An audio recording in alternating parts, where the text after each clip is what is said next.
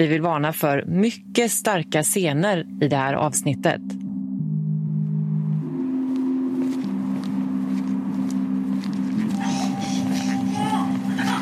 Göteborg 2019. Jag och min kollega, fotografen Meli, har lämnat Göteborgs-Postens redaktion. Vi är ute i ett industriområde. Hej. I en mörk källarlokal, nästan helt kolsvart.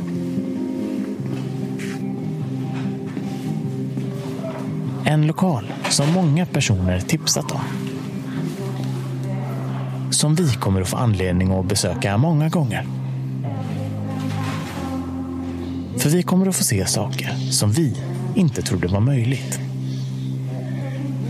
Ett litet rum med en ensam kvinna. En man stående utanför som vaktar henne. Mängder av män som en efter en går in till kvinnan, låser dörren och sen kommer ut. Vi stänger in oss i rummet bredvid, lyssnar genom väggen. Hör en kvinnas nervösa skratt. Männen hon träffar. Och diskussioner om handeln. Med kvinnans kropp som är till salu.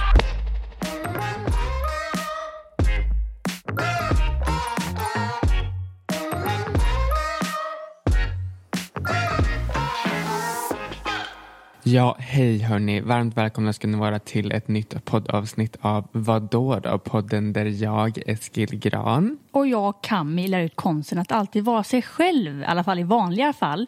För idag blir det ju ett specialavsnitt om det som har hänt med GP. Vi tog ju upp det i förra poddavsnittet och nämnde det lite kort så och frågade om ni ville höra mer och det ville ni. Så därför ska vi ägna hela detta avsnittet till just det. Vad är det då egentligen som har hänt? Jo, jag och eh, min kära pojkvän Christian eh, har ju helt enkelt eh, fått en artikel skriven om vår eh, verksamhet i GP. Så jag tänker att för er som inte har någon aning, för er som, för er som lyssnar nu, eh, Christian eller Eskil, ni får gärna berätta typ vad vuxenkul är och lite så här allmänt så att man får en klar bild av det hela. Mm, absolut. Vi kan ju nämna det också att Christian är här. Jag glömde säga det, men Christian, min kära pojkvän, är här också. Så vi har ju en gäst idag igen. Och vi ska tillsammans förklara då allting som eh, har hänt, bakgrund och sanningen och allt sånt. Eh, Vuxenkul det består ju av två fysiska butiker och eh, en webbshop som säljer sexleksaker och porrfilm. Och i en av dessa butikerna då har vi även en porrbio. Och då glider vi såklart in på frågan vad är då en porrbio? Jo, en eh, porrbio är ju en, eh, något som man skulle kalla för en sexuell mötesplats där man främst kollar på porrfilm ensam eller ihop med andra. Det bestämmer man ju liksom helt själv. Eh, men Men del blir attraherade av varandra och då har, ja, då har man ju sex om man känner för det. Och det är ju tillåtet i våra lokaler. Eh, I porrbion då så dömer vi inte heller människors olika eh, sexualiteter utan ja, hos oss är alla lika mycket värda på riktigt. Dock är då naturligtvis all form av kriminalitet förbjuden och det handlar ju allt ifrån prostitution till knarkhandel eller sånt. Det är ju naturligtvis förbjudet. Och eh, själva porrbio det kommer ju egentligen från att eh, när jag sta- skulle starta porrbion då så visste jag att eh, de andra, eh, mina konkurrenter hade eh, en porrbio då som en del kallade för cruising eller biograf, mötesplats. Men när jag startade då så valde jag just att kalla den för porrbio för att alla skulle förstå vad det var då. Ja, det är inte alla som gör det. Inte om man kallar det för cruising. Nej. Då tror många, ja men vad har, vad har ni där? Nej men det är en cruising. Då tänker ofta folk på bilcruising. Ja, ja exakt. Jag hade inte fattat vad det var då. Nej, exakt. Och jag tänker inte försköna vad det är, liksom kalla det för erotikbio eller cruising, utan det är en porrbio. Ja, det, exakt. Det, ja, och då får det heta porrbio. Mm. Och, men samtidigt är det en del, liksom en del beskriver vår verksamhet som en swingersklubb. Liksom, eh, swingers vet ju alla vad det är, man, man byter sexpartners med varandra då. Och till oss kommer par som byter eh, partners med an- andra par då. Det kommer även eh, singlar dit som eh, är med swingersgänget eller de har sex med andra singlar. Det är, liksom, det är upp till besökaren att skapa sig sitt eget besök. Vi, vi tillhandahåller ju bara lokalerna, porrbion och visar då porrfilm. Då. Och sen tycker vi att det ska vara högt i tak. Folk får känna sig hemma och bekväma utan att skämmas för vilka de är då. Men de måste som sagt sköta sig. Det får inte vara stök och bråk eller eh, kriminalitet i, i lokalerna och det tycker jag att vi har lyckats bra med. Och jag tycker det är så himla viktigt att du nämner det, att man inte ska skämmas för den man är. För det är väldigt många som dömer folk som till exempel vistas på swingersklubb eller porrbio och så vidare.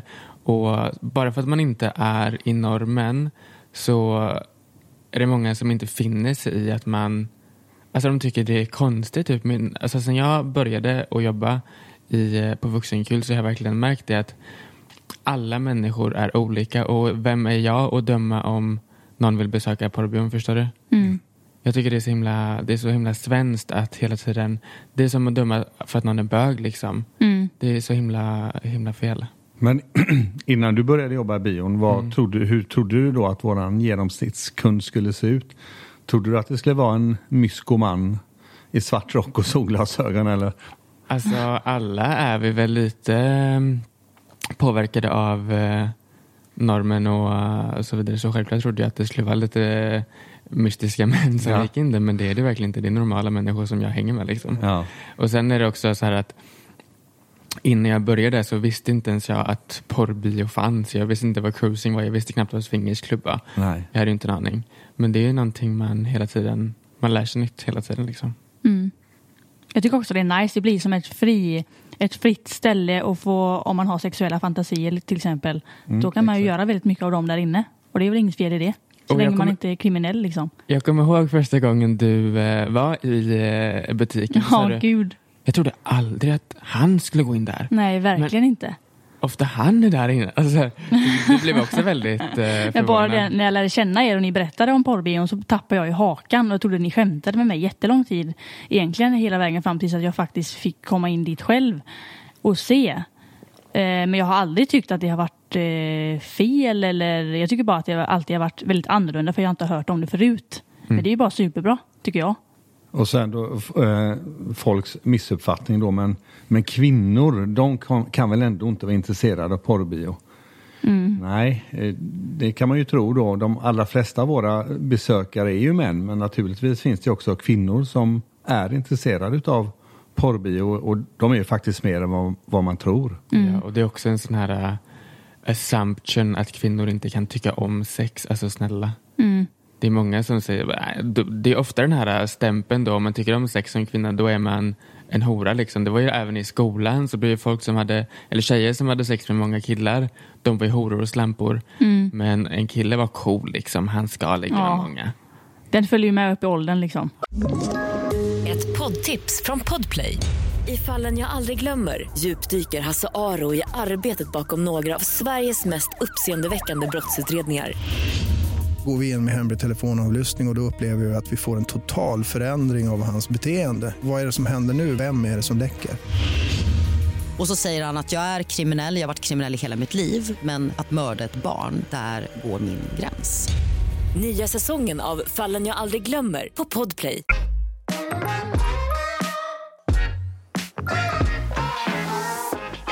Så det som nu har hänt är då att eh, GP, alltså Västra Götalands absolut största tidning, har publicerat en artikel samt ett eh, poddavsnitt som ni även hörde lite av i början där, eh, från då podden Systrar som den heter.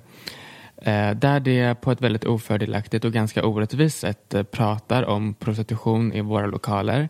Bland annat var titeln till artikeln att kvinnor säljs i källare på hissingen och och eh, det var även en bild på vår ena butik där då, där vi har porrbion. Vilket på ett sätt indikerar att någon säljer kvinnor i vår källare då inom citationstecken. Eh, och även i poddavsnittet så hörde man ju min röst eh, i början där och sen eh, Christian då som har ställt upp på intervjun. Och efter det här är det väldigt, väldigt många som har reagerat och skrivit till eh, mig och Christian och eh, anklagar oss för att stödja sexhandel. Och det är det som gör ondast. Det känns väldigt orättvist för jag har ju ett numera välkänt samarbete med eh, polisen och det har jag haft under många års tid eh, just gällande prostitution då. Jag tänkte faktiskt att vi ska spela upp ett klipp eh, från podden där vi hör dig Christian. Mm, ja, gör så. Vi bestämmer oss för att kolla upp porrbion. Ser att företaget omsätter miljonbelopp varje år. I styrelsen sitter två män. Den ena en före detta lokalpolitiker som suttit i kommunfullmäktige. Och den andra, den verkliga ägaren, som vi väljer att ta kontakt med. Det är ju inte roligt att höra men samtidigt så vet jag att absolut, det är gjort i ett ögonblick det här att man gör upp en sexhandel. Och vi har inte möjligheten att hela tiden vara där inne och bevaka. Vi har en personal som går in en gång i halvtimmen ungefär och då är ju liksom fokus på att städa. Hör man ingenting då så finns det inte så mycket man kan göra. Jag gör ju mina rutinkollar jag uppehåller mig i bion precis som ni gjorde då. Och det är ytterst få gånger man klarar av att identifiera någonting. Och absolut sker det ju sexköp på, eh, hos oss, på hotell och överallt. Men det är inte så att vi inte försöker göra någonting åt det. Under den här tiden som vi var där, det var ju ingen som ingrep eh, i personalen då. Ni tar ju liksom ändå eh, inträde av besökarna. Vad tar ni för ansvar för att det sker sexhandel där? Vill du se bilderna inifrån porrbion eller höra mer om vad ägaren säger? Gå in på gp.se systrar. Det första jag tänker nu, jag har ju också lyssnat på podden tidigare, men jag tänker ju så här, hur länge blev du intervjuad Christian? Eh, I cirka två timmar. Ja, oh, herregud. Det är ju liksom jättelite med här i podden. Mm, mm. Verkligen. När jag lyssnade blev jag chockad av, över att det inte var mer som var med. Mm. Av det du har sagt. Att det inte var mer förklaring eller någonting mer. Fick du tillägga liksom ja. i podden?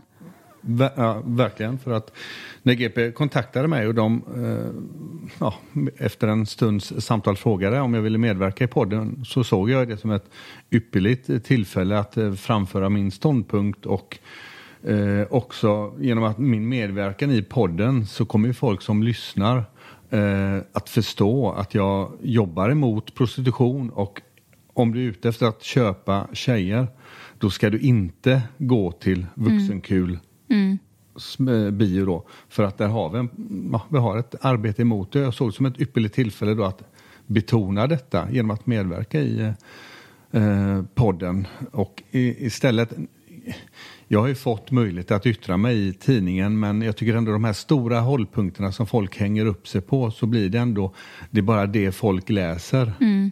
Även om jag säger att jag har eh, ett eh, samarbete med traffickinggruppen i Göteborg så är det inte det folk läser utan de läser bara det här kvinnor säljs i källare. Och bara där är orättvist för vi har inte ens en källare i våra lokaler. Nej. Och detta har jag påtalat både för reporten och och eh, GPs chefredaktör då. Mm. Och det kan vi komma till längre fram då vad de svarade när jag konfronterade dem med detta då. Mm. Men jag tänker också nu, var, varför tror ni att eh, det har blivit så förvrängt? Är det, kan, alltså jag, jag fattar inte varför man vill inte bara lägga ut det så som det är. Jag tycker ju att det är bra att GP gör ett reportage och granskar sexhandeln i Göteborg. Mm. Men då tycker jag att det hade varit mycket roligare att komma till en porrbiograf då och se att även de på en porrbiograf tar det här problemet på allvar. De har verkligen en åtgärdsplan vad de ska göra åt eh, prostitutionen när de eh, uppmärksammar att något eh, händer då. Jag vill också bara vara tydlig med att GP ringde ju dig mm. först och ja. Eh, pratade och sen så frågade de om du ville ställa upp på en intervju mm. och då kom de hem till oss och intervjuade Christian i två timmar som sagt. Stämmer. Så det här är en intervju som vi har ställt upp på frivilligt för att vi verkligen ville förmedla vår ståndpunkt och hur vi står i det här äh, ämnet med prostitution mm. i våra lokaler. Och vi ville vara ärliga med att säga att vi vet att det har hänt men vi gör massor för att det inte ska ske igen. Det var liksom hela grejen med varför vi verkligen ville ställa upp. För att vi ville särskilja oss från andra.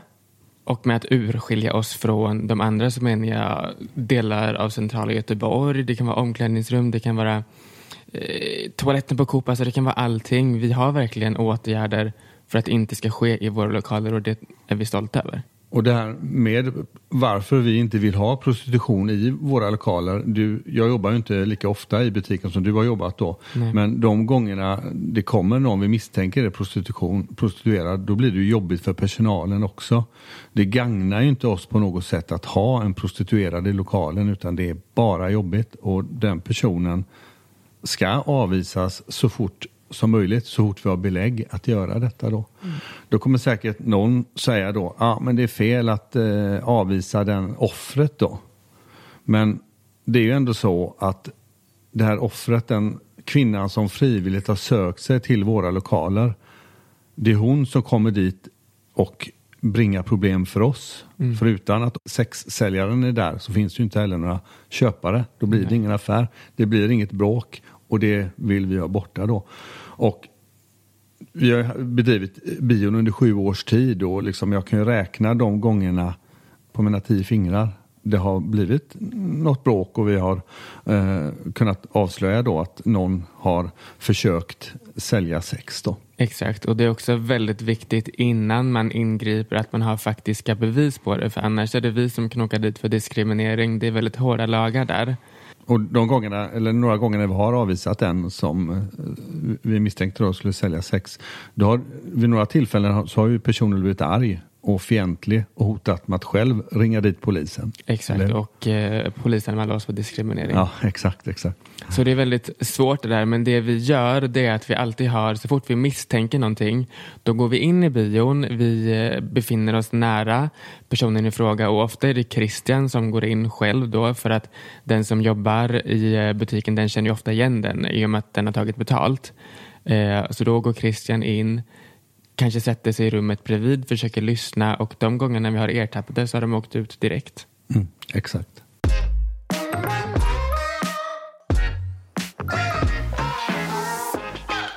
Eh, det jag tänker här nu också är att jag har ju själv, som jag sagt då, varit inne i både butiken men också den här porrbion. Och det är ju ingen källare. Och jag får inga eh, dåliga vibbar av att vara där inne. Jag får inga, alltså jag kan inte se. Så sen då när jag har lyssnat på den här, eller läst artikeln och lyssnat på podden, där det har blivit helt förvridet, så blir jag helt... Det är som att de pratar om något helt annat ställe, för jag har ju själv varit där och kan inte alls koppla ihop de två till varann. Nej, men det, det är det man reagerar på. Det man tycker det är orättvist och svartmålande då. För eh, det är ju ingen källare.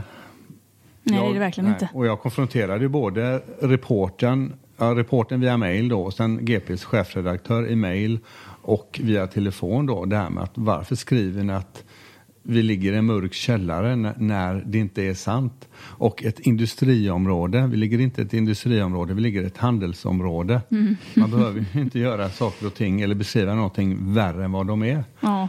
Eh, och eh, när jag då eh, konfronterade reportern med detta, då var hans svar ordagrant i mejlet. Gällande källarlokal så ligger ju själva biografen under gatuplan. Därför valde vi att kalla den så. Så han väljer ju att kalla den källare för att den ligger två trappsteg, ungefär 40 centimeter under gatuplan. Mm, så när, ja, när man kommer in så går man ner två trappor. Ja, det, ja. två trappsteg. Ja. Och, och sen då, när jag skriver till GPs chefredaktör då, då säger han då, gällande källaren så säger vår reporter att butiken är på entréplanet medan biodillern ligger en trappa ner. Jag har inga skäl att tro att det inte stämmer. Och då jag påtalar i telefon att det stämmer inte så eh, ser det inte ut. Och då säger han till mig då att nej men jag litar på min reporter så att eh, ja, det är ingenting mer. Fallet är avslutat, jag vet att det är så. Så men du är hjärtligt välkommen att eh, besöka våra lokaler. Jag kan visa dig, öppna varenda dörr så kan du se själv att du kommer inte längre ner än vad du gör när du går in för dörren. Och jag hade till och med mejlat honom en bild på de här två trappstegen och jag började mitt samtal med de här två trappstegen ner i butiken då för att komma till butiken och kassan. Är det att definiera hela lokalen som en källare? Nej, nej, det är det ju absolut inte. Men det ju, eh, finns ju en källare inne i bion också då. menar han på då. Men det, det, det finns ju ingen källare. Utan hela lokalen ser ut så. Man går in genom entrén, ner 40 centimeter, går till kassan och betalar. Sen ligger halva biodelen i det här 40 centimeter under gatuplan då. Och sen där de har varit och filmat som de säger då med den här kvinnan som de påstår är ett sexköp då. Den ligger ungefär en meter ovanför gatuplan. Man går alltså två eh, korta trappor, kanske tio trappsteg upp för att komma till den delen. Så det är verkligen ingen källare. Men det här gör man ju då för att det ska låta mer skumt än vad det är då. Och den här, den här situationen som de pratar om i podden med att de är där inne och ser en sexhandel, säger de ju. Mm. Eh, vad, vad är det för situation och hur vet de att det är sexhandel? Eller förstår ni? Ja, absolut. De påstår genom att ljudupptagningar att de har då kunnat dokumentera ett eh, sexköp då. Eh, Men jag har ju lyckats identifiera den kvinnan som de har eh, ja, spelat in och gjort upp- ljudupptagningen på då. Och det är en kvinna som är, hon kommer och besöker våran bio då och då. Hon är välkänd hos oss och eh, om hela porrbioscenen så är hon, hon, hon är ett känt ansikte på Göteborgs porrbioscen då.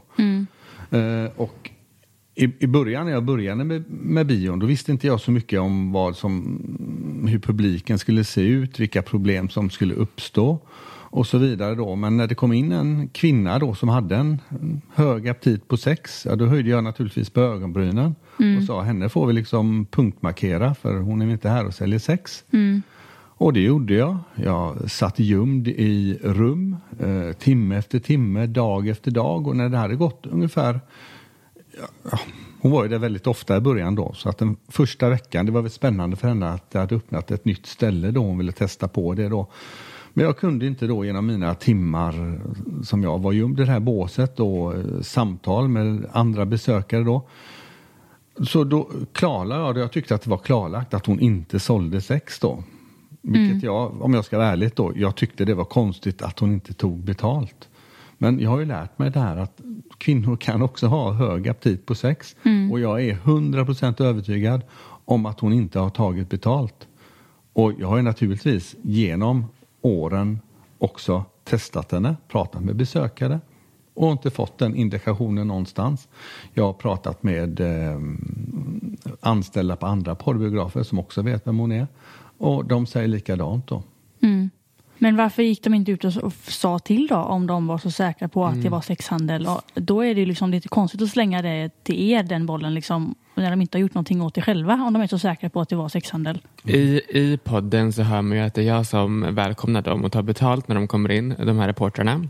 Visste du då att de Jag spelade hade in? inte en aning. De, det är också lite så tycker jag. Det var ju dold kamera, jag hade inte en aning.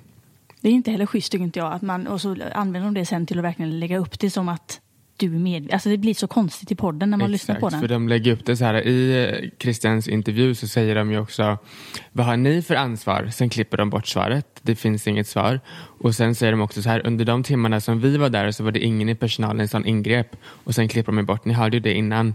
Och det här tog jag personligen väldigt illa upp för att jag vet ju med mig att det var jag som jobbade den dagen i och med att det var jag som släppte in dem. Och när de säger, ställer frågan så under de timmarna som vi var där så var det ingen som ingrep. Det får ju mig att få dåligt samvete om det här faktiskt var så att kvinnan blev utnyttjad av så många män och hade en hallick där. Liksom. Om det var så så hade det varit fruktansvärt. Men de har ju suttit där i flera timmar och bevittnat det här utan att ingripa. De har varken sagt till mig, de har inte ringt polisen, de har bara spelat in det här, sen gått hem glada för att de har en story. Och de, de låtsades liksom då bara att de var vanliga kunder då liksom. Ja.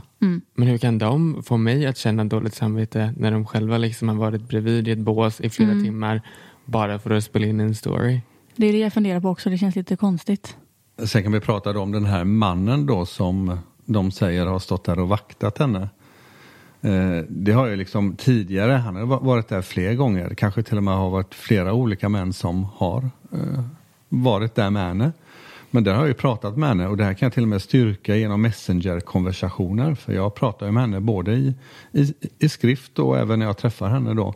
Och är du en kvinna som har hög aptit på sex, du rör dig på olika porrbios i, i, i Sverige eh, så händer det då och då att eh, du stöter på en man som kanske inte kan ta ett nej. Det kanske blir bråk och lite våldsamheter då. Och det har hon väl känt då. Det har väl hänt, eller hon har till och med sagt till mig att det har hänt incidenter. Och ibland känner hon sig väldigt osäker. Hon vill ha utlopp för sin sexualitet och träffa en del män på porrbiosen. Men hon känner, har känt en osäkerhet då. Och då har hon tagit med sig en manlig bekant som har varit där för att se till att hon helt enkelt inte hamnar i trubbel. Mm. Men att han skulle liksom stå där och ta betalt eller övervaka henne inne på ett rum, det är ju inte sant. För, det är absurt. Ja, för vi ser ju dem när de kommer, båda får betala entré när de kommer till oss. Och de skrattar och de skojar och man vet, de är vänner på Facebook och man vet liksom att de är vänner. Och man, mm. det, det, är inte sant helt enkelt. Mm. Hon har till och med frågat dig om det var okej. Okay. Mm, exakt. Hon har ju skrivit till Christian bara du det har hänt det här och det här ibland och jag känner mig lite osäker ibland. Är det okej okay om jag tar med mig en kompis? Mm. Och det här eh, rubriken då med att kvinnor säljs i källare, den hänger man ju också upp sig på för då är det någon annan som är där och säljer dem. I de fallen när vi har eh, avslöjat prostitution så är det en ensam tjej som är där och försöker sälja sig. Exakt. Så är det. Och där har vi också då min instruktion ifrån polisen. Det är ju så här att eh, om det är en kvinna där som säljer sig, hon gör ju inget kriminellt. Nej. Men vi måste ju hålla rent ställe. Det får inte, ingen får vara där och sälja sig och de måste ju avvisas ifrån lokalen. Min instruktion är från polisen, om jag däremot ser en hallick i närheten av eh, vuxenkul eller med henne, då ska jag ta så mycket information som möjligt. Jag ska gärna gå ut och titta och se om jag kan eh, se kvinnan och mannen gå in i en bil. Då tar registreringsnumret och informera polisen om registreringsnumret. Eller om någon av dem eh, lämnar över ett telefonnummer där de vill att eh, vi kanske ska förmedla. Men det har aldrig någon gång hänt då.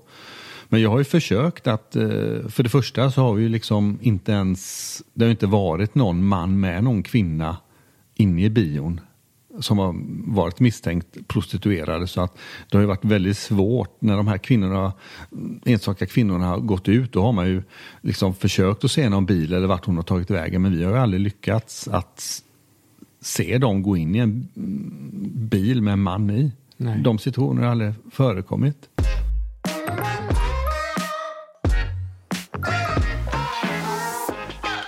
Jag tycker också det är väldigt intressant att i samma avsnitt, eller i samma podd, då, den här systrapodden, så pratar de även om att det sker ett sexköp i Nordstan. Men inte gör de en hel, ett helt avsnitt eller en hel artikel om den butiken och vad de har för åtgärder och vilket ansvar de tar. Utan det säljer ju inte lika många artiklar som mm. en mörk porrbio gör. Och sen vill jag också belysa styrkan i redigering. Musik hans röst, ordval, allt sånt gör ju det skapar ju en mörk bild av vår verksamhet. Mm. Hade jag gjort en video om porrbion med cirkusmusik, alltså du vet, mm. då blir det en helt annan bild. Så man Exakt. får också vara väldigt källkritisk när det kommer till redigering och sånt. Ofta är det inte så extremt kanske som de får det att vilja låta. Nej, och sen har det även det när de, de har gjort en film och ljudupptagning, eller hur? Mm. Och eh, där filmen den, den visar att det är filmat, mm. det är ju mm. inte där rösterna är. Exakt. Eller? Vi har ju eh, bås i vår bio eh, och de har ju suttit i ett bås och spelat in röster. Men de har filmat i en helt annan avdelning så de har lagt över de rösterna på filmklippet som är någon helt annanstans. Mm, så det är också lite spel med redigering. Mm. Och det kan man ju också säga där att eh, om man pratar om åtgärdsplaner eller om man tar prostitution på allvar. Eh, en, nord, en butik i Nordstan där det sker sexköp i en, ett omklädningsrum som de också sa då.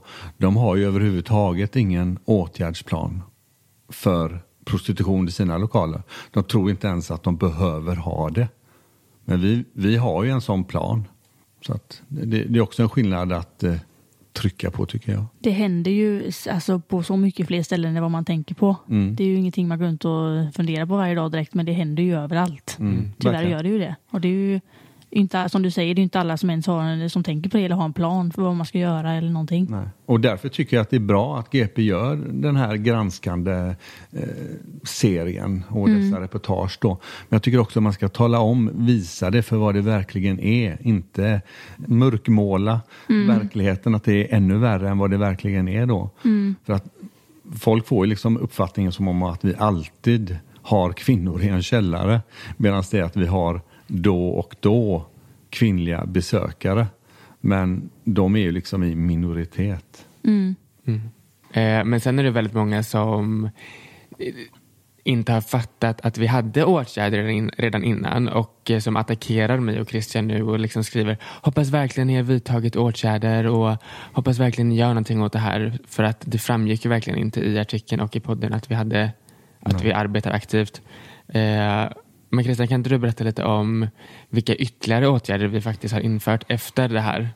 Ja, absolut. Vi har ju bland annat infört att eh, personalen som rutin efter varje avslutat eh, arbetspass ska notera om de har sett något kriminellt. Det är inte bara prostitution. Har du sett någon vara drogpåverkad eller handla med knark eller något sånt? Och det får personalen då notera i, in i ett Excel-dokument efter varje avslutat pass då.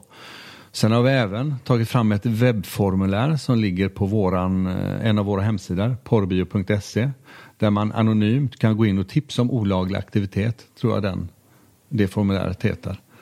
Och det kommer då direkt till mig och då kan jag eh, ta ställning till vad som sägs. Och det kan vi säga, eh, det här webbformuläret publicerades väl för två månader sedan och vi har inte fått in ett enda tips. Nej. Sen eh, tänkte jag ytterligare då för när, mm, när jag pratade med eh, traffickinggruppen eh, efter jag hade pratat, blivit intervjuad av podden, eh, då, då, eh, ja, I podden ställde de frågan till mig, vad kan du mer göra för att motverka prostitution? Det tänkte jag först då, det finns väl inte så mycket mer jag kan göra för det här är ett litet problem hos oss för det, det förekommer inte så mycket även om vi prioriterar det. Men då bollade jag över frågan då till min kontaktperson hos polisen då. Och hon föreslog ju då, ja du kan ju kontakta någon organisation som jobbar med prostitution till exempel. Och jag fick ett telefonnummer till en organisation som heter Real Stars. Och jag ringde upp grundaren i denna föreningen och pratade med henne. Och hon tyckte att det var jätteintressant, även om det var lite ovanligt att just en porrbioägare ringer till henne och vill ha en åtgärdsplan och vill bli certifierad. Men jag menar ju på vi är en seriös verksamhet. Jag är arbetsgivare, betalar ut vita löner.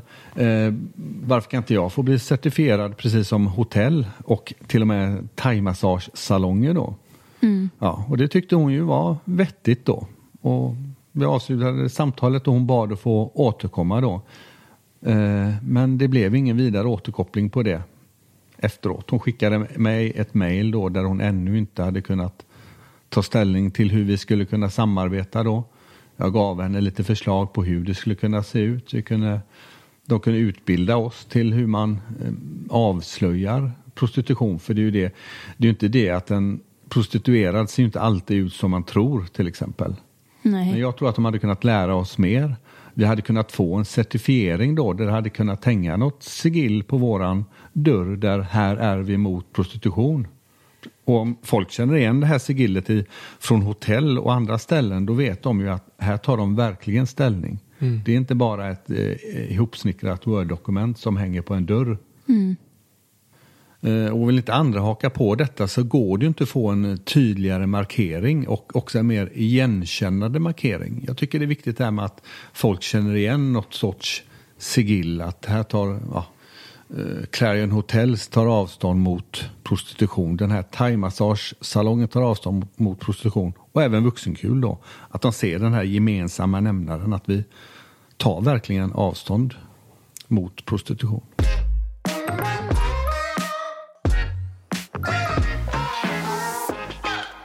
Jag tycker också det är ganska intressant att Sverige anses vara så öppet och så inkluderande men sanningen är den att vi får inte ens teckna kollektivavtal.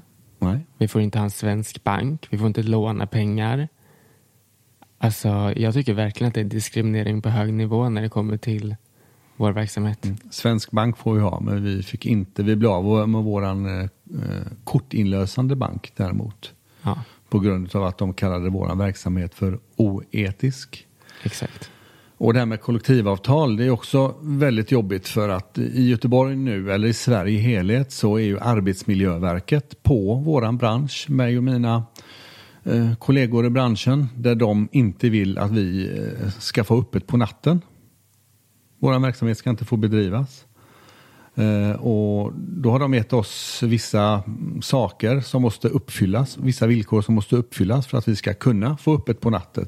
Och det är ett, att vi är direktundantaget. Vi har vår största inkomst ifrån mat, men det har vi ju inte för vi jobbar ju med helt andra saker. Eller att vi får dispens från Arbetsmiljöverket för att ha öppet på natten. Eller få ha anställd personal på natten ska jag säga. Det får vi inte heller för de ger inte dispens till oss. Och sen då vår sista utväg då det är att teckna ett kollektivavtal med ett fackförbund. Och det låter ju jättelätt. När man sedan tar kontakt med fackförbund efter fackförbund och alla säger nej. Mm. Så att då får vi inte lov att eh, teckna ett kollektivavtal. Och då får vi inte heller ha anställd personal på natten. Och då måste vi ha stängt. Och det kanske inte drabbar oss då så jätte, jättehårt. För vi, vår verksamhet går ju runt även om vi inte har öppet på natten då. Men jag tänker på mina kollegor i branschen som har strippor till exempel. Det är ju jättesvårt att driva en eh, strippverksamhet. Det, att ha stripper är ju laglig verksamhet. Och vill man komma åt det då får man ju förbjuda strippverksamhet i så fall. Men det tycker jag inte man ska göra. Men däremot så måste man ju kunna även ge dem möjlighet att organisera sig eh, och eh, ha ett kollektivavtal. Ja, varför annars lagligt? Alltså det är som att de försöker alltid gå, nej det här tycker inte vi är okej, då kringgår vi det så här istället för att göra en lag om det. Så det går skit fram ändå. Jag tycker det är så jävla fult. Mm. Typiskt Sverige. Mm, Men det är ju det, man säger en sak men gör en annan. Ja. Faktiskt.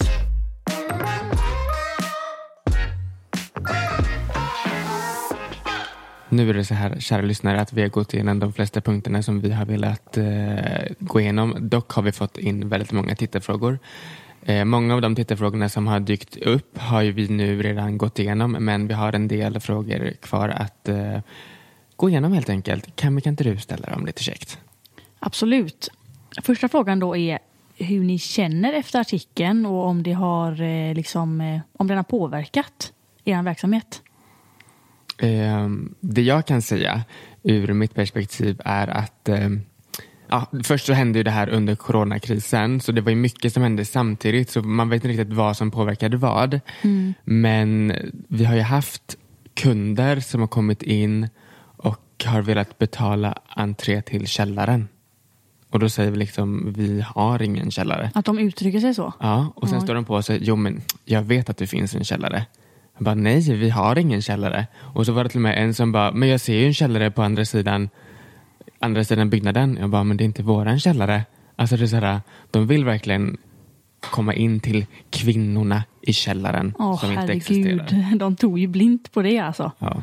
Och sen när de har betalat en entré då till porrbion då, då har de ju blivit sura på personalen för att det finns inga kvinnor som säljer sig där inne. Men och då gud. och menar på att vi lurar dem. Men vi har aldrig sagt någonting att det finns eh, kvinnor till salu i våran eh, porrbio. Och det har ju skapat en, en olustig stämning för personalen då. För det är, det är inte kul för dem att, eh, för en del, just den här, en av dem som menade på att han ville gå in till källaren då, han blev ju arg. Han blev arg. Så det blev en hotfull situation bara på grund utav att han ville ner till en icke-existerande källare. Det enda jag kan säga om försäljningen, alltså jag har inte märkt, vi har inte märkt någon vidare nedgång så. Det är ju mer att det har varit mycket skvaller på Facebookgrupper och sånt. Och jag tycker med de här personliga påhoppen med mig och Christian att de är värre i sådana fall. Ja, det är ju inte jätteroligt att eh, eh, någon tjej har pinscreenat min Instagram då och eh, sen då delar det sin story för sina vänner och kallar mig för att jag eh, ja, bedriver sexhandel. För det gör jag verkligen inte. Alltså hade det, om den här äh, artikeln hade varit sann, då, och de påstår att det sker så öppet i våra lokaler. Hade det varit så, då hade vi till och med kunnat åka dit för koppleri. Mm. Då hade det, liksom hade det ju hänt Det någonting jätte, med det är, er. det är ju jättestor anklagelse liksom. Ja, till och med jag har ju fått eh, anklagelser liksom hur jag kan vara vän med två personer som, är, som bedriver sexhandel. Liksom. Ja, men herregud, folk tror ju verkligen på allt de ser och hör. Liksom. Utan att ens tänka någon, utan att tänka någon annan tanke. Liksom. Och, och, och sen måste man ändå undersöka, jag jobbar ju inte i butiken. Om det nu så hade varit att det hade varit massa prostituerade så där, då hade jag ju inte haft anställd personal som stod där och skötte den här sexhandeln. Liksom. Nej, men, alltså, Nej. Och sen hade ju GP intervjuat en av våra gamla anställda då till exempel som ändå jobb, hade, jag vet inte hur långt personen, för jag vet inte vem det är då. Den personen hade ju själv få- fått yttra sig om porrbyrån då. Och visst, personen tyckte väl att själva porrbyrån var lite mm, ja, läskig på något sätt. Det var inte bekvämt att gå Det- där. Nej, och och det respekterar jag. Det är ju inte alla som kan jobba jobba i en nej, porrbyrå nej, helt gud. enkelt. Men när de sen ställer frågan då, har du någon gång, hon, den här personen som all, har jobbat där under en längre tid, då, har du någon gång sett sexhandel i era lokaler? Och den här personen då som är där hela sitt arbetspass svarar nej. Nej, jag har aldrig upplevt att det har skett någon sexhandel där innan. Men jag har hört andra säga att det sker. Jag, jag tycker det faller på sin egen orimlighet. Hur kan man ha jobbat i en porrbio? Jag menar, vi har inte haft någon anställd som har jobbat eh, kortare än sex månader i alla fall. Så då, hur kan man ha jobbat i en porrbio där det för, enligt andra förekommer jättemycket sexhandel? Man har jobbat där i sex månader men, har- men man har själv aldrig upplevt någon sexhandel. Så att jag tycker det faller på sin egen orimlighet. det talar för sig själv. Tala för sig själv.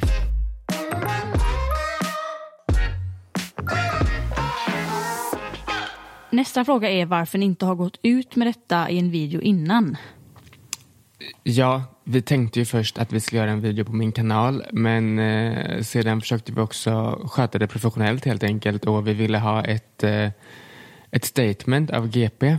Ja, jag pratade ju med eh, Kristoffer Ahlqvist som är GPs eh, chefredaktör och jag trodde faktiskt att jag skulle nå fram till honom att eh, det jag förklarade att jättebra att ni gör det här reportaget men ni behöver inte kalla det för källare när det inte är en källare. Och jag blev lite besviken när han inte kunde eh, på något sätt erkänna att det var fel att eh, skriva så, att han inte ville komma ut och eh, besöka lokalen där jag kunde bevisa för honom att det inte finns någon källare utan bara hela tiden hänvisar till sin reporter då att nej men jag tror på honom och då är det sant. Och jag tycker också det är väldigt intressant. Vi vet vem den här kvinnan är som de har filmat. Och det, jag tycker det är väldigt intressant att de säger att de har bevittnat sexköp då, men de eh, mörkar alla röster så man hör inte ens männen. Om de verkligen har bevis, till exempel det var ett annat avsnitt när de filmade och eh, spelade in en taxichaufför och den rösten hör man ju allt. Han säger ju hemska saker. Men i våra lokaler så menar de på att de har tydliga inspelningar men de visar ingen av dem. Så jag tycker det är lite konstigt. Ja, man ska ha i åtanke också att i porrbion det är ju inte bara 666. Det är också en mötesplats för en del. Och det förekommer ju andra samtal än sexuella samtal. Man ska veta att många, mm, främst homosexuella eller kanske transsexuella då, de lever ju en dold, döljer sin läggning i det vanliga livet. Och då kan det ju vara en fristad för att komma dit och prata med eh, likasinnade. En del har inte ens sex i bion utan de gillar bara atmosfären eller eh, prata med folk som respekterar dem. Det är också en sak som jag märkte när jag började jobba på Vuxenkul. För man hade ju den här bilden av folk som skulle komma, som även du också hade Cami. Men man märkte ju sen att det är vanliga människor som kanske lever fångade i sin egna sexualitet och inte vågar leva öppet.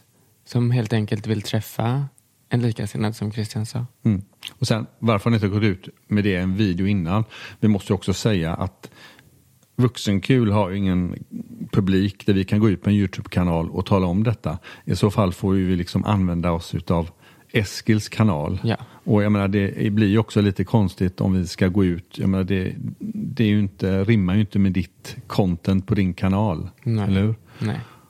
Vi sa ju väldigt snabbt där eh, dagen efter typ att vi skulle göra en video. Mm. Och det var ju hela tiden planen men ehm, Men sen drog det ut på tiden. Jag vill ju liksom eh, prata, i och med att den här kvinnan som är hon tog ju också illa vid sig naturligtvis över att hon blir uthängd i GP. Även om med mörkad röst då. Så jag ville ha en dialog med henne och det tog ju väldigt lång tid innan jag kom till skott och fick en dialog med henne, fick tag på henne eller det hon ville. Sen så känner, känner hon känner sig inte bekväm att prata om detta överhuvudtaget. För det, vem vill att någon rotar i ens privatliv på det sättet? nej, för jävligt. Ja, verkligen.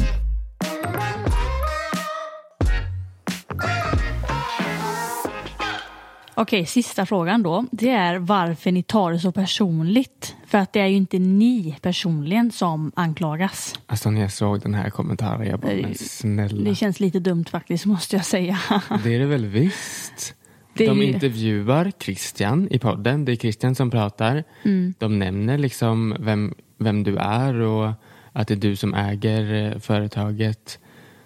Och sen är det självklart man tar det personligt när man får personliga påhopp efter artikeln. Mm. Det är väl givetvis de, ni eller många som har läst artikeln anklagar ju mig och Christian för att vi stödjer sexhandel. Det är väl klart vi tar det personligt. Mm, det är ju er verksamhet, vem, vem annars ska ta illa upp? Och jag tycker lite så här att det hade varit värre av mig än om GP hade ställt frågan att ja, vi har hört att eh, det har skett sexhandel i dina lokaler. Om jag hade svarat och sagt nej, det har aldrig någonsin hänt några sexhandel i våra lokaler. Det sker inte hos oss. Då tycker jag att jag eh, hade framstått som mindre trovärdig. Exakt, Ja. nonchalant. Ja, för därför, jag säger ju att visst, absolut sker det och kan det ske. Eh, men vi jobbar aktivt emot det. Och därför tar man ju det personligt då när det eh, utmålas på ett eh, felaktigt sätt. Exakt. Och, och man måste ju veta att det här är ett litet företag. Och det är ändå det som sätter maten på mitt bord. Liksom. Det är ju där jag får min lön och betalar min hyra med de pengarna jag tjänar på vuxenkul. Om liksom, det blir hotat inom citationstecken eller eh, felaktigt utmålat och jag riskerar att förlora kunder. Då känner jag ju att min egna tillvaro är hotad. Och sen så tycker jag också då, jag har ju, är ju väldigt rättvistänkande i, i mig som person då. Jag försöker alltid vara rättvis. Jag vill att folk ska behandla andra rättvist och jag behandlar alltid folk rättvist, tycker jag i alla fall. Och Många i min omgivning tycker det att jag har ett högt rättvisetänkande. Och därför känns det när jag känner att en orättvisa drabbar mig, då reagerar jag. Jag tycker inte att det är okej. Och jag tycker att man hade kunnat sköta det på ett mycket bättre sätt. Beskriv verksamheten som det den är. Och vinkla inte saker. Sen vill jag bara tillägga också, de menar ju på att de har de här äh, filminspelningarna och ljudinspelningarna. Är det inte märkligt att de har dem i sitt arkiv men äh, att de inte skickar in de ljudinspelningarna och polisanmäler allting? Och inte göra någonting med det då? Jag tycker om det är helt sjukt Om det är så starka bevis. Men, men där är det väl lite, nu vet jag inte exakt vad det kallas för, men ehm, journalistiskt material är ju väldigt skyddat då. Det, det är ju grundlagen så det får man ju all, aldrig glömma då. Och det ger ju dem också faktiskt lite frihet att kunna göra egna tolkningar för att det är väldigt skyddat. Jag menar, Men- det, det, det är också väldigt viktigt att, att de har den här skyddade eh, rättigheten men det kan också bli fel ibland om man väljer att, ja, man kanske till och med kan använda ordet missbrukar den rättigheten då. Vart är deras moral och etik då? Ja, det, den ställ, eh, frågan får du ställa till dem.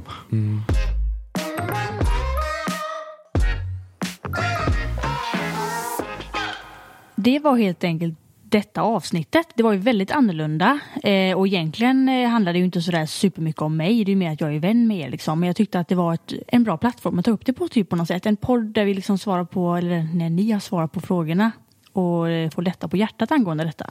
Mm. Så att nästa avsnitt och nu resten av säsongen blir ju vanlig, som vanligt liksom vadå då? Ja. Där vi kommer att eh, prata om egen, egna erfarenheter och svara på era frågor och sånt. Så att det vill jag eh, uppmana er till här nu också. Att om ni har några frågor, det kan ju vara om vad som helst. Om ni har några problem eller bekymmer, vad som helst i livet egentligen får ni gärna skriva dem. Och så kanske vi svarar på just din fråga i nästa avsnitt.